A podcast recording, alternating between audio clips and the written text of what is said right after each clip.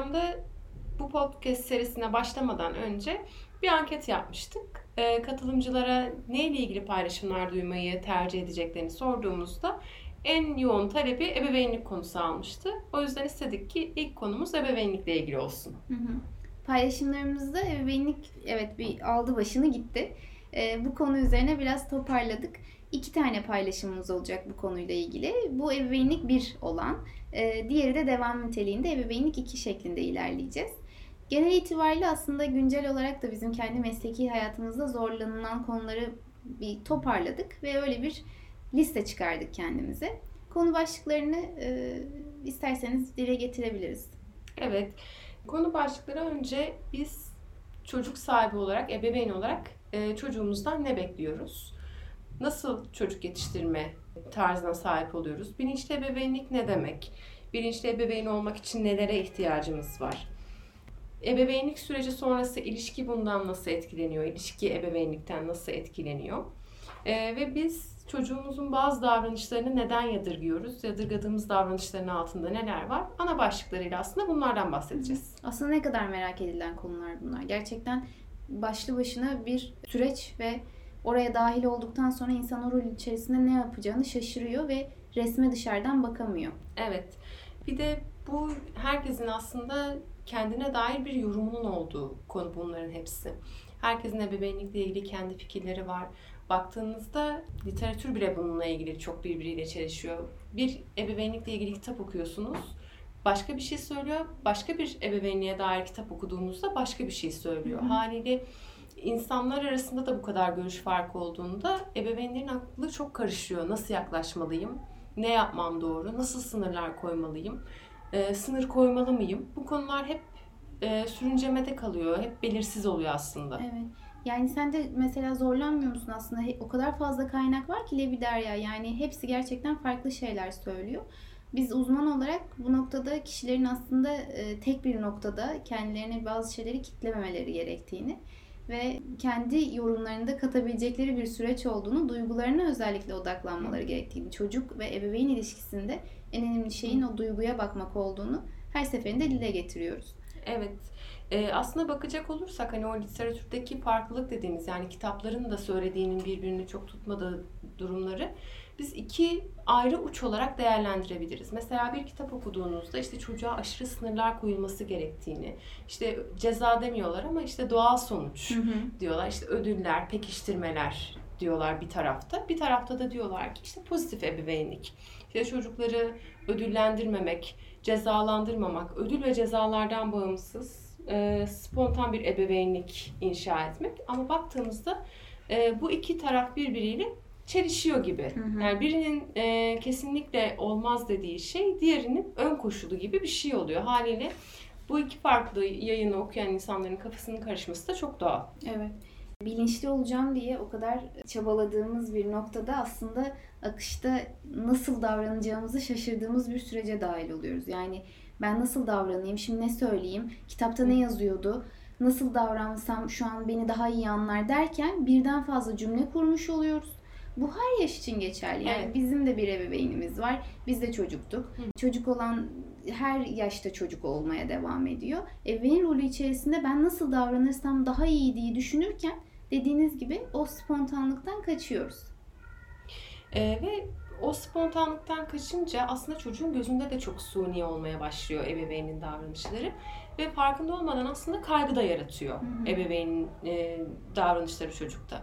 Mesela normalde çok sıkıntılı olmayan bir konuyu 2-3 cümleyle ifade ediyorsa annesi ya da babası çocuğun bir konuyla ilgili sayfalarca cümle kurduğunu görüyor. Halbuki orada konuyu nasıl yöneteceğini bilemediği için kaygılanıyor anne ya da baba. Ama çocuk oradaki kaygıyı daha farklı yorumluyor. Yani bu konu kaygılanmam gereken bir konu. Hem anne baba ve çocuk arasındaki o mesafeyi açan hem de çocuğa aslında gereksiz kaygı yükleyen bir şey haline geliyor bu Evet. sefer. Evet. Yani aslında sonra da hepsi bir sarmal. Şimdi sen kaygı demişken aklıma şu geldi.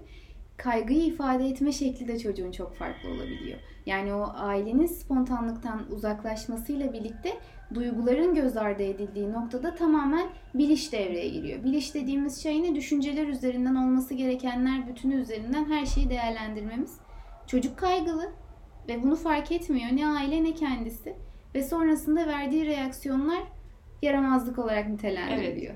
Var mıdır hocam aklına gelen bazı şeyler? Mesela şey e, bazı çocuklarda şey oluyor. E, bizim çocuk çok yaramaz. Hı hı. İşte nasıl yaramazlığı var? İşte geçen yaptığını size anlatayım. İşte eli yağlıydı, yemek yiyordu. Benim etrafın düzenine, temizliğine ne kadar önem verdiğimi biliyor. Gitti yağlı elleriyle koltuğa yapıştırdı ellerini. Hı hı. E, Neden yaptı çocuk bunu? Bunun altına baktığımızda başka bir şey görüyoruz. Orada pasif agresyon var. Hı hı. Şimdi bizim e, bir çocuğun duygusunu yansıtmamız önemlidir. Ancak duygudan uzak duygu yansıtmalarda çocuk anlaşıldığını düşünmüyor. Hmm, şu an kızdın dediğimizde aslında gerçekten o kızgınlığı yansıtamadığımız zaman gerek beden dilimiz, gerek ses tonumuz, gerek gerçekten o duyguyu kavrayışımızla biz bunu çocuğa yansıtamadığımız zaman o kısım çok havada kalıyor. Dolayısıyla orada aslında ebeveynin spontanlığı gidiyor. Belki ebeveyn orada duygu yansıtması yapması gerektiğini düşündüğü için duygu yansıtması yapıyor. Hı hı. Ama halbuki oradaki yansıtacağı duyguyu da belki daha henüz Hı hı. anlamadı. Hı hı. Yani alelacele bir tepki verirken aslında o ilişkideki samimiyeti zedelemiş oluyor farkında Hı hı. olmadan. Çocuk da doğal olarak diyor ki "Hı hı, kızdım. Evet kızdım ama neyi anlamalıyım bu Evet. noktada? Ee, aslında ne kadar farklı bir süreç yani annenin düzenini sevdiğini, düzeni sevdiğini biliyor ve öfkelendiği ve kızdığı bir noktada o yağlı ellerle gerçekten o düzeni yıkacak bir hamle yapıyor ve bu anne için de çok öfkelendirici bir durum. Yani bu öfkenin ardından e, anne de o gününü gerçekten öfkeli bir şekilde geçiriyor ve ev içerisindeki düzen ya da baba bu noktada nasıl davranacağını bilemez halde. Öfkeli Evet. bireyler var evin içerisinde ve ne olduğunu anlamıyorlar. Bu noktada biz yardımcı olmaya çalışıyoruz. Evet. Bu yolda acaba birbirlerine nasıl davranıyorlar ve nasıl yardımcı oluyorlar?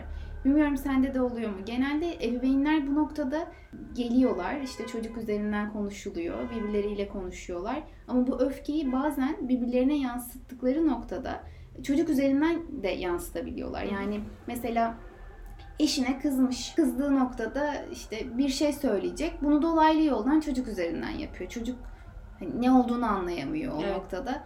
Ee, bilmiyorum öyle denk geldin mi? Evet evet kesinlikle. Bir de şey oluyor zaten.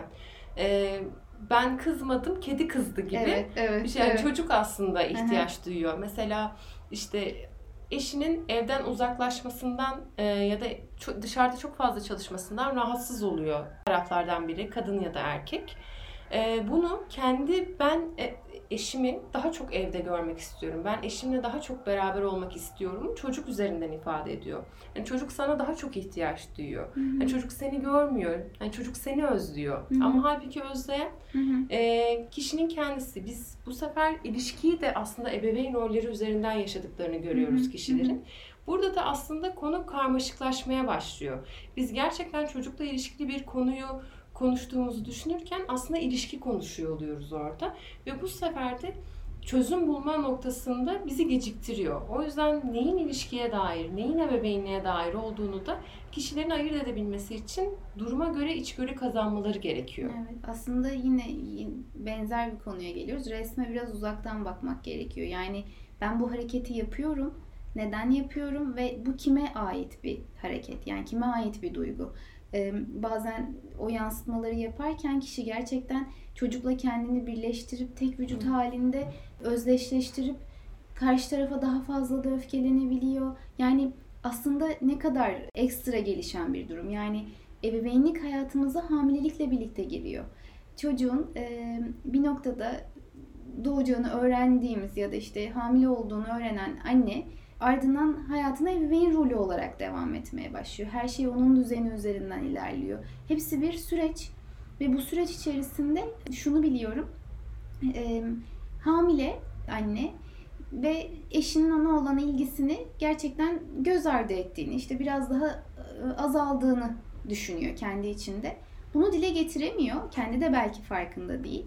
Hiç dokundum, bak bakalım bir dokunur musun karnıma, işte bir ses geliyor mu, bir, bir şey hissediyor musun gibi reaksiyonlarda bulunuyor. Şimdi temelde bunu fark etmek aslında ne kadar olağan bir süreç. Yani baba geliyor, annenin karnına dokunuyor.